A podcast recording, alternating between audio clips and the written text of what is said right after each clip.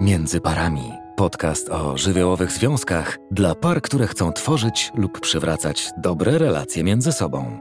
Zapraszam, Marita Woźny. Kiedy pojawia się dziecko na świecie, wszystkie inne rzeczy schodzą na drugi plan. Potrzeby seksualne również. Zmiany, które zachodzą, sprawiają, że seks staje się sprawą drugorzędną. Brakuje często bliskości i czułości w związku. W ogóle wielu rzeczy wtedy w związku brakuje, ale wydaje się, że seks znajduje się na ostatnim miejscu potrzeb. Są pary, dla których pojawienie się dziecka nie sprawiło, że ich życie seksualne przestało istnieć. Niektóre pary mówią o tym, że po porodzie seks stał się zupełnie inny, lepszy, dojrzalszy. Być może to doświadczenie umocniło poczucie własnej kobiecości, męskości i seksualności. Jakoś się to wszystko razem zintegrowało. Dla wielu jednak par moment przyjścia na świat dziecka jest czasem, kiedy w sferze seksualnej się oddalają. Powoduje to wiele rozczarowań, niespełnionych oczekiwań i pretensji. Co tak naprawdę dzieje się w seksualności pary, kiedy pojawia się dziecko? Z tego podcastu dowiesz się, czym jest seksualność, co utrudnia parze zbliżenia seksualne, co się zmienia w seksie po pojawieniu się dziecka, z jakimi trudnościami w tym obszarze mierzy się para, jak seksualność przeżywa mężczyzna i kobieta w tym okresie, dlaczego kobiety mogą nie mieć ochoty na seks, co para może zrobić, aby poprawić swoje życie seksualne? Jak ważna jest rola mężczyzny w tym okresie? Ania i Tomek byli ze sobą bardzo blisko. Na początku związku trudno im było się od siebie odkleić. Później wkradła się rutyna, trochę zaniedbali swoją bliskość, ale kiedy starali się o dziecko, znów powróciły emocje, iskry. Podczas ciąży również byli zadowoleni ze swojego życia seksualnego choć pod koniec było już im trudniej. Teraz, kiedy pojawia się na świecie Tosia, świat zwariował. Zaraz po porodzie Ania była w kiepskim stanie, długo dochodziła do siebie. Tomek rozumiał to, że jest osłabiona, że działają hormony, że rany muszą się zagoić. Okazywali sobie wiele wsparcia i rozumienia. Tomek wrócił do pracy, Ania zajmowała się dzieckiem w domu, a seks zapomnieli, że istnieje. Ale czy na pewno? Gdzie ten seks? To przykład pary, która może być symbolem wielu par, u których seks po pojawieniu się dziecka magicznie zanika albo znika całkowicie. Trzeba trochę w związku popracować nad tym, aby go przywrócić. I oczywiście, o ile seks nie był tylko elementem niezbędnym do poczęcia dziecka, to łatwiej będzie go odzyskać. Praca nad seksualnością w parze to praca każdego z partnerów nad własną kobiecością i męskością i związaną z tym seksualnością, ale też wspólna praca nad tym, by umieć o seksie rozmawiać, by potrafić komunikować swoje emocje i potrzeby. Jednym słowem, dużo pracy, jeśli chce się mieć szczęśliwe życie seksualne. W okresie, kiedy na świecie pojawia się dziecko, pojawia się wiele trudności związanych z seksualnością, o których pary mówią. Postaram się dzisiaj opowiedzieć o kilku z nich. Zacznijmy od tego, że duże znaczenie mają tutaj hormony zwłaszcza zaraz po porodzie, a także ból fizyczny, który często uniemożliwia zbliżenia.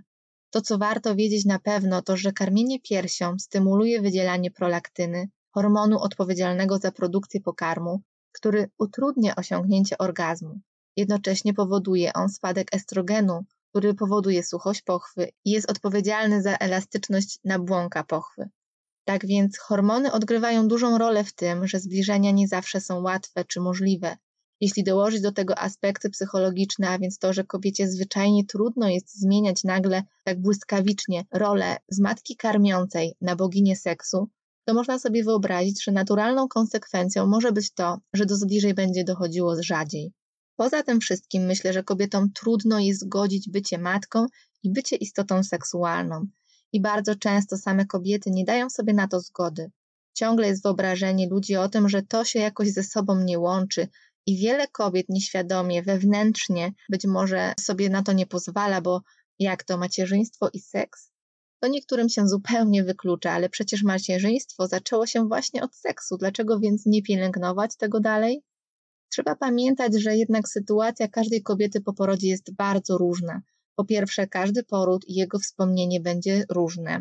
Przeważają raczej głosy o tym, że jest to trudny moment, który łączy się z ogromnym bólem, ale są kobiety, które zupełnie nie mają takiego doświadczenia i można różne rzeczy porównywać, wypierać, podważać, że coś nie jest możliwe, ale fakt jest jeden, różnimy się od siebie i lepiej ten fakt zaakceptować, wtedy będzie nam łatwiej żyć. Jeśli poród był trudny i kobieta czuje się obdarta z jakiegoś człowieczeństwa, bo doświadczyła ogromnego bólu, bo personel nie był za bardzo życzliwy, to może mieć poczucie, że to wszystko było jakimś rodzajem ataku na jej ciało. Tak więc każde zbliżenie się do jej ciała może traktować jak naruszenie. I oczywiście ma prawo tak czuć, i partner powinien to wiedzieć, że tak może być, że to, co przeżywa jego partnerka, jest właśnie z tym związane, że nie jest to wymierzone w niego, ale też będą kobiety, które będą inaczej przeżywać swoją seksualność, będą takie, które bardzo będą jej pragnąć, będąc jednocześnie matką, ale będą też takie, które może i tego pragną, ale nie mają już na to siły. Kobiety czasem mówią o tym, że ledwo co im uda się oderwać dziecko od piersi, pojawia się wieczór, chcą odpocząć, to mąż ma pretensje, że teraz nie zajmują się nim. Czasem czują się użyte, mają dość. To mówi o ich bezradności i poczuciu, że ciągle ktoś coś od nich chce i muszą być dla kogoś. To oczywiście przeciążenie kobiet, które czują, że ciągle są dla dziecka, a potem muszą być dla mężczyzny. Brakuje więc takiego bycia dla siebie, Wiele kobiet traktuje więc propozycję zbliżenia seksualnego jako kolejne zadanie, które trzeba odhaczyć. A wiadomo, takie nastawienie do sprawy powoduje, że trudno będzie czerpać z niej satysfakcję. Kobiety czasem mówią, że one pragną bliskości męża, ale nie takiej, która od razu prowadzi do seksu i penetracji. Jednak kiedy partner zaczyna je dotykać od tyłu, wiedzą, że dla niego musi skończyć się od przodu. Oczywiście nie u wszystkich mężczyzn i nie można tego generalizować, bo tak jak kobieta różnie przeżywa swoją seksualność i kobiecość w macierzyństwie, tak samo mężczyzna różnie ją przeżywa u siebie. Sam więc dotyk i wizja tego, co będzie dalej, powoduje opór i niechęć. To, co bardzo frustruje, to chęć próby zbliżenia się partnera do kobiety wieczorem. Ona, będąca w trybie karmienia, usypiania, po całym ciężkim dniu opieki nad dzieckiem, które ma kłopot z kolkami, ze spaniem, pragnie wieczorem położyć się spać. On natomiast ma przed oczami wizję, że to idealny moment, kiedy nie ma obok dziecka i kiedy on się zbliża do niej, to przez jej głowę przebiega milion myśli. Ale która to godzina? O nie, 22. Jak już skończymy, to będzie 22.45, a po 23 mała się budzi na karmienie, które będzie trwało jakieś 45 minut, więc spać pójdę o północy po to, by za dwie godziny znowu wstać na karmienie i zostanie mi może dwie-trzy godziny snu do kolejnej pobudki, a w dzień tego nie odeśpię. Dla mężczyzn może się to wydawać niesamowite, że w chwili, w której można oddać się przyjemności, przez kobiecą głowę przebiega cała masa myśli. No ale tak jest. Seks utrudnia więc nie tylko aspekty hormonalne, ale też stres, ogromne zmęczenie i przeciążenie związane z całodobową opieką nad dzieckiem. Nawet jeśli do seksu dochodzi, to dzieci są za ścianą albo obok łóżka. Jemu prościej jest się wyłączyć i zatracić w bliskości, ona natomiast nasłuchuje każdego dźwięku, kwilenia dziecka, więc zamiast się odprężać, jest w trybie gotowości do działania na rzecz dziecka. To okoliczności, w których kobietom trudno jest się zrelaksować, odprężać i oddawać prawdziwej przyjemności seksualnej. Inną kwestią, o której się nie mówi, jest to, że kobieta czerpie z kontaktu z dzieckiem przyjemność fizyczną. Mówimy o takim sensualnym, a nie seksualnym kontakcie. To znacząca różnica i chcę to wyraźnie zaznaczyć, że nie mówię o seksualnej przyjemności związanej z dotykiem dziecka, ale o sensualnym zaspokojeniu fizycznej przyjemności, która związana jest z głaskaniem, przytulaniem maleństwa, patrzeniem wiele godzin w oczy. Sensualność jest integralną częścią kobiecej seksualności, która jest rozproszona po całym ciele. Jeśli więc doświadczymy jakiegoś rodzaju fizycznej przyjemności, to mamy na nie mniejsze zapotrzebowanie. Celibat po porodzie jest w jakimś sensie w pierwszym okresie zrozumiały, ból, hormony, zmiany itd. Tak Jeśli natomiast utrzymuje się miesiącami albo latami, to może warto jest się tym zająć, poprzyglądać się, dlaczego tak się dzieje. Niekiedy dziecko może się też stać zasłoną na seksualność kobiety i oczywiście musi być absolutna zgoda obu stron na to, by seks mógł być. Bez zgody nie ma seksu, ale kobiety, które nie są zaprzyjaźnione ze swoim ciałem i swoją seksualnością, mogą mieć kłopot z zajmowaniem się nią, robić coś, by było inaczej, by coś się zmieniło w związku, w relacji intymnej i chronią się tym, że mają dziecko, które ma już 4 lata, 8 lat, więc seksualność jest częścią osobowości. Kobieta się nią ma zajmować dla siebie, nie dlatego, że partner chce.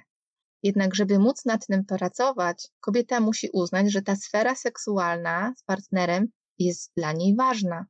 Jednak kiedy kobieta się sama tego pozbawia, to jest to trudne dla wszystkich, i dla kobiety, i dla mężczyzny, bo czuje się on porzucony, ale też dla dziecka, które jest otoczone nadopiekuńczą taką opieką. Nie ma pomiędzy tym wszystkim równowagi. Jeśli jednak ten brak seksu w związku jest raczej spowodowany tym, że kobieta chciałaby seksu, ale nie ma na niego ochoty, to jest większy wachlarz możliwości niż wtedy, kiedy nie ma potrzeby zmiany w tym zakresie. To, że nie uprawiamy seksu, sprawia, że nie mamy pozytywnych doświadczeń z tym związanych. Jeśli do tego orgazm jest rzadkością, to nie ma bodźca, który wysyłałby taki sygnał. Seks jest fajny i jest mi w nim przyjemnie. Seks produkuje hormon szczęścia, wydziela endorfiny, a to wpływa na oksytocynę, która jest związana z tym, że tworzy się więź i poczucie bezpieczeństwa. I prowadzi to trochę do takiego błędnego koła. Nie ma seksu, nie ma pozytywnych bodźców i jest brak ochoty, no bo nie ma pozytywnych doświadczeń, ale żeby to koło zmienić, musi zacząć być seks. Bez seksu się to koło nie zmieni. Bez seksu pracuje się tylko głową, jakimiś przekonaniami. No ale jak nie mam ochoty, no to nie ma seksu i tak w kółko. I jeszcze raz zaznaczę, że seks powinien odbywać się wyłącznie za absolutną zgodą obojga partnerów. Chcę tylko spojrzeć na tą sytuację jak trochę z innej perspektywy. Są kobiety, które mówią, że jak już zaczną uprawiać seks, to jest łatwiej, to zaczyna mieć ona ochotę. Natomiast o tym może więcej opowiem w podcaście, który w ogóle będzie dotyczył seksualności kobiet i mężczyzn, bo to jest długi i szeroki temat. Podsumowując to, co powiedziałam wcześniej, to nie dzieci powodują, że nie ma pożądania w związku, to my sami sobie to pożądanie odbieramy, zaniedbując tę sferę. Mamy też trudność w rozmawianiu ze sobą o problemach, a o seksie nie rozmawia się prawie wcale. Mówi się, że nie rozmawiamy z dziećmi o seksie i coraz bardziej się ludzi do tego zachęca, ale czy pary o tym rozmawiają? Czy znają swoje fantazje seksualne, potrzeby, miejsca w ciele, które pobudzają i wiążą się z przyjemnością? Czy znają rodzaj dotyku, który im służy? Czy jest miejsce i zgoda na różnorodność, na to, że dziś chcę seksu intymnego, bliskości i romantyzmu, a jutro mogę mieć ochotę na tak zwany szybki numerek? I czy coś w tym złego? Absolutnie nie, tylko musimy sobie dać do tego prawo i zacząć rozmawiać ze sobą i sobie to komunikować, mówić sobie, czego chcę i uzgadniać, co możemy sobie dawać, a co nie jest możliwe, na co ja się na przykład nie zgadzam. Trzeba więc pamiętać o tym, by pożądanie w związku podtrzymywać. Jak już wspomniałam wcześniej, kobieca sensualność, która jest integralną częścią kobiecej seksualności, jest rozproszona w różnych miejscach intymnych i nie tylko intymnych. Jest to podzielone pomiędzy ciało i umysł. W tym kobiety różnią się od mężczyzn. Kobiety czują ten erotyzm w różnych częściach ciała, a mężczyzna nie ma takiego rozproszenia i dotyczy to głównie jednej części ciała. Więc idzie, kobiety potrzebują powolnego budowania napięcia, gry wstępnej, atmosfery, dotykania różnych części ciała, a nie tylko jednej. To wszystko sprzyja do budowania napięcia seksualnego u kobiety, co oczywiście może prowadzić do gorącego finału. U kobiet więc podniecenie wzrasta dopiero w trakcie, u mężczyzn podniecenie możliwe jest niemal natychmiast. Sfera seksualna jest bardzo delikatna. Każdy z partnerów powinien robić wszystko we własnym zakresie, na tyle, na ile na daną rzecz ma zgodę. Ale dobrze jest też pamiętać, zwłaszcza w okresie, kiedy pojawia się na świecie dziecko i z różnych względów ta bliskość fizyczna jest ograniczona, że seks to nie tylko penetracja, seks to wiele innych rzeczy poza penetracją. I te inne rzeczy mogą być przyjemne dla każdej osoby z pary. Jeśli seks rozumiany jest wyłącznie jako penetracja, to na przykład mężczyzna może czuć się odrzucony, bo nie ma seksu, a zapomina się często o tym, że inne formy bliskości i dotyku również mogą być seksem albo bliskością fizyczną, która zbliża pary, że to nie jest takie zero-jedynkowe, że jak nie ma seksu to z penetracją to nie ma nic. Tam jeszcze jest coś po środku. Potrzeba więc takiej delikatności, wyczucia i akceptacji z jednej strony do stanu rzeczy, jaki jest w danym momencie życia, a z drugiej strony do decyzji partnera czy partnerki i z trzeciej do możliwości, które ta para w danym momencie ma. Chcę jeszcze powiedzieć o micie spontaniczności, który silnie pojawia się, kiedy na świecie są dzieci. Pary bardzo często mówią, że teraz, kiedy nie jesteśmy sami, seks musi być wyłącznie wieczorem albo rano, kiedy dzieci jeszcze śpią. Zaczyna się z tego robić przymus, czy wręcz obowiązek bliskości o danych porach dnia. Trochę z tęsknotą, trochę z rozżaleniem mówią o tym, że już nie jest jak dawniej. Pary też mówią, że taki zaplanowany seks to już nie jest to samo. Jednak Esther Perel mówi o tym, że seks powinno się planować. To ona każe zapomnieć o micie spontaniczności w seksie. Proponuje, by spojrzeć na to jak na grę wstępną, która trwa więcej niż 20 minut. Twierdzi, że oczekiwanie na randkę, na ten seks, który jest zaplanowany, sprawia, że zaczyna się już ten moment pobudzenia. Jednak warunkiem jest to, aby w tym czasie partnerzy na przykład się nie widzieli, bo to jest trochę taki wyznacznik powodzenia tej misji, bo ta niedostępność działa na nas jak magnes. Jeszcze innym powodem, który sprawia, że seksu jest mniej, jest koncentracja kobiety na dziecku. To moment, kiedy mama i dziecko są w sobie szaleńczo zakochani, a wszystko inne wprowadzane jest na drugi plan. Chcę powiedzieć, że to normalny stan, potrzebny do budowania więzi, ale jeśli się przedłuża, jest szkodą dla związku. System rodzinny składa się tutaj z kobiety, mężczyzny i dziecka, i ten mężczyzna odgrywa tutaj bardzo ważną rolę. Mianowicie ma oddzielić tą matkę od dziecka, by zachować równowagę w rodzinie, by przywołać naturalny porządek. Sam okres symbiozy matki i dziecka jest bardzo trudny dla mężczyzny. Traci on zainteresowanie kobiety, która wcześniej była tylko dla niego. Może czuć się odsunięty, niezauważony i niedowartościowany. Czas trzeba teraz dzielić na jeszcze jednego członka rodziny i tutaj zarówno mężczyzna, jak i kobieta ma coś do zrobienia. Mężczyzna musi poradzić sobie z uczuciami, które przeżywa. Są mężczyźni, którzy zupełnie sobie z tym nie radzą i tacy, którzy bardzo dobrze rozumieją ten moment. Im bardziej mężczyzna jest pewny siebie, ma poczucie własnej wartości, tym mniej będzie czuł, że dziecko mu zagraża. Będzie mu łatwiej wspierać partnerkę, pomagać, dawać czas na bycie sam na sam z dzieckiem, bez wyrzutów o brak czasu dla niego. Z drugiej strony będzie miał siłę, aby dawać przestrzeń kobiecie i wsparcie i wspierać organizowanie momentów dla nich obu. Kobieta zaś, która jeszcze pod wpływem oksytocyny, więc hormonu przywiązania, może przeżywać ogromne poczucie winy, staje się z powrotem kobietą w związku. I to jest praca jej do wykonania, by powoli pozwalać sobie na to bycie właśnie kobietą, mimo że jest się mamą. Jedno drugiego nie wyklucza. Innym powodem, który sprawia, że trudno o bliskość seksualną po pojawieniu się dziecka jest żal. Żal o to, że seksu nie było wcześniej. Niestety spotykam się z takimi bardzo przykrymi historiami par, dla których okres ciąży był momentem zupełnego braku fizycznej bliskości.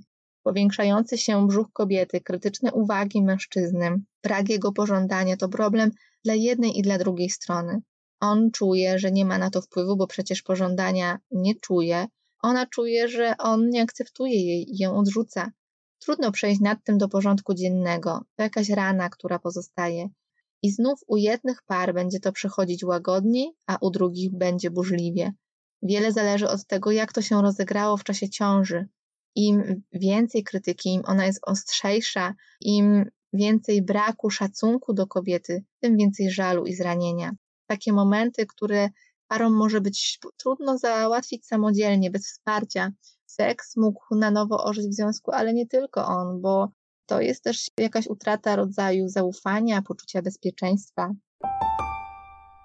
Na koniec chcę zaznaczyć, że potrzeba seksualna fizyczna, a potrzeba seksualna psychiczna to dwie różne kwestie.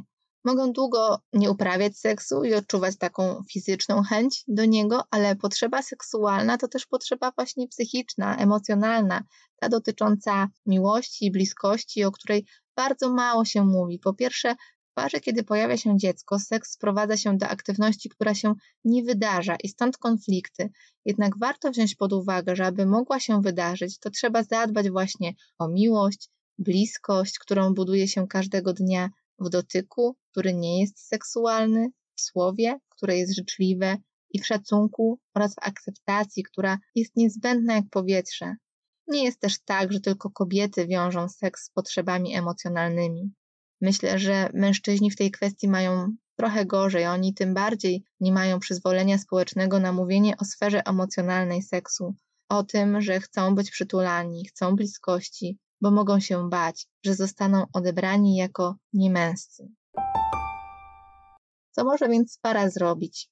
Dobrze jest więc mieć wiele wyrozumiałości do kobiety, która wtedy jest bardzo skoncentrowana na dziecku i ta wyrozumiałość ze strony partnerów jest niezbędna.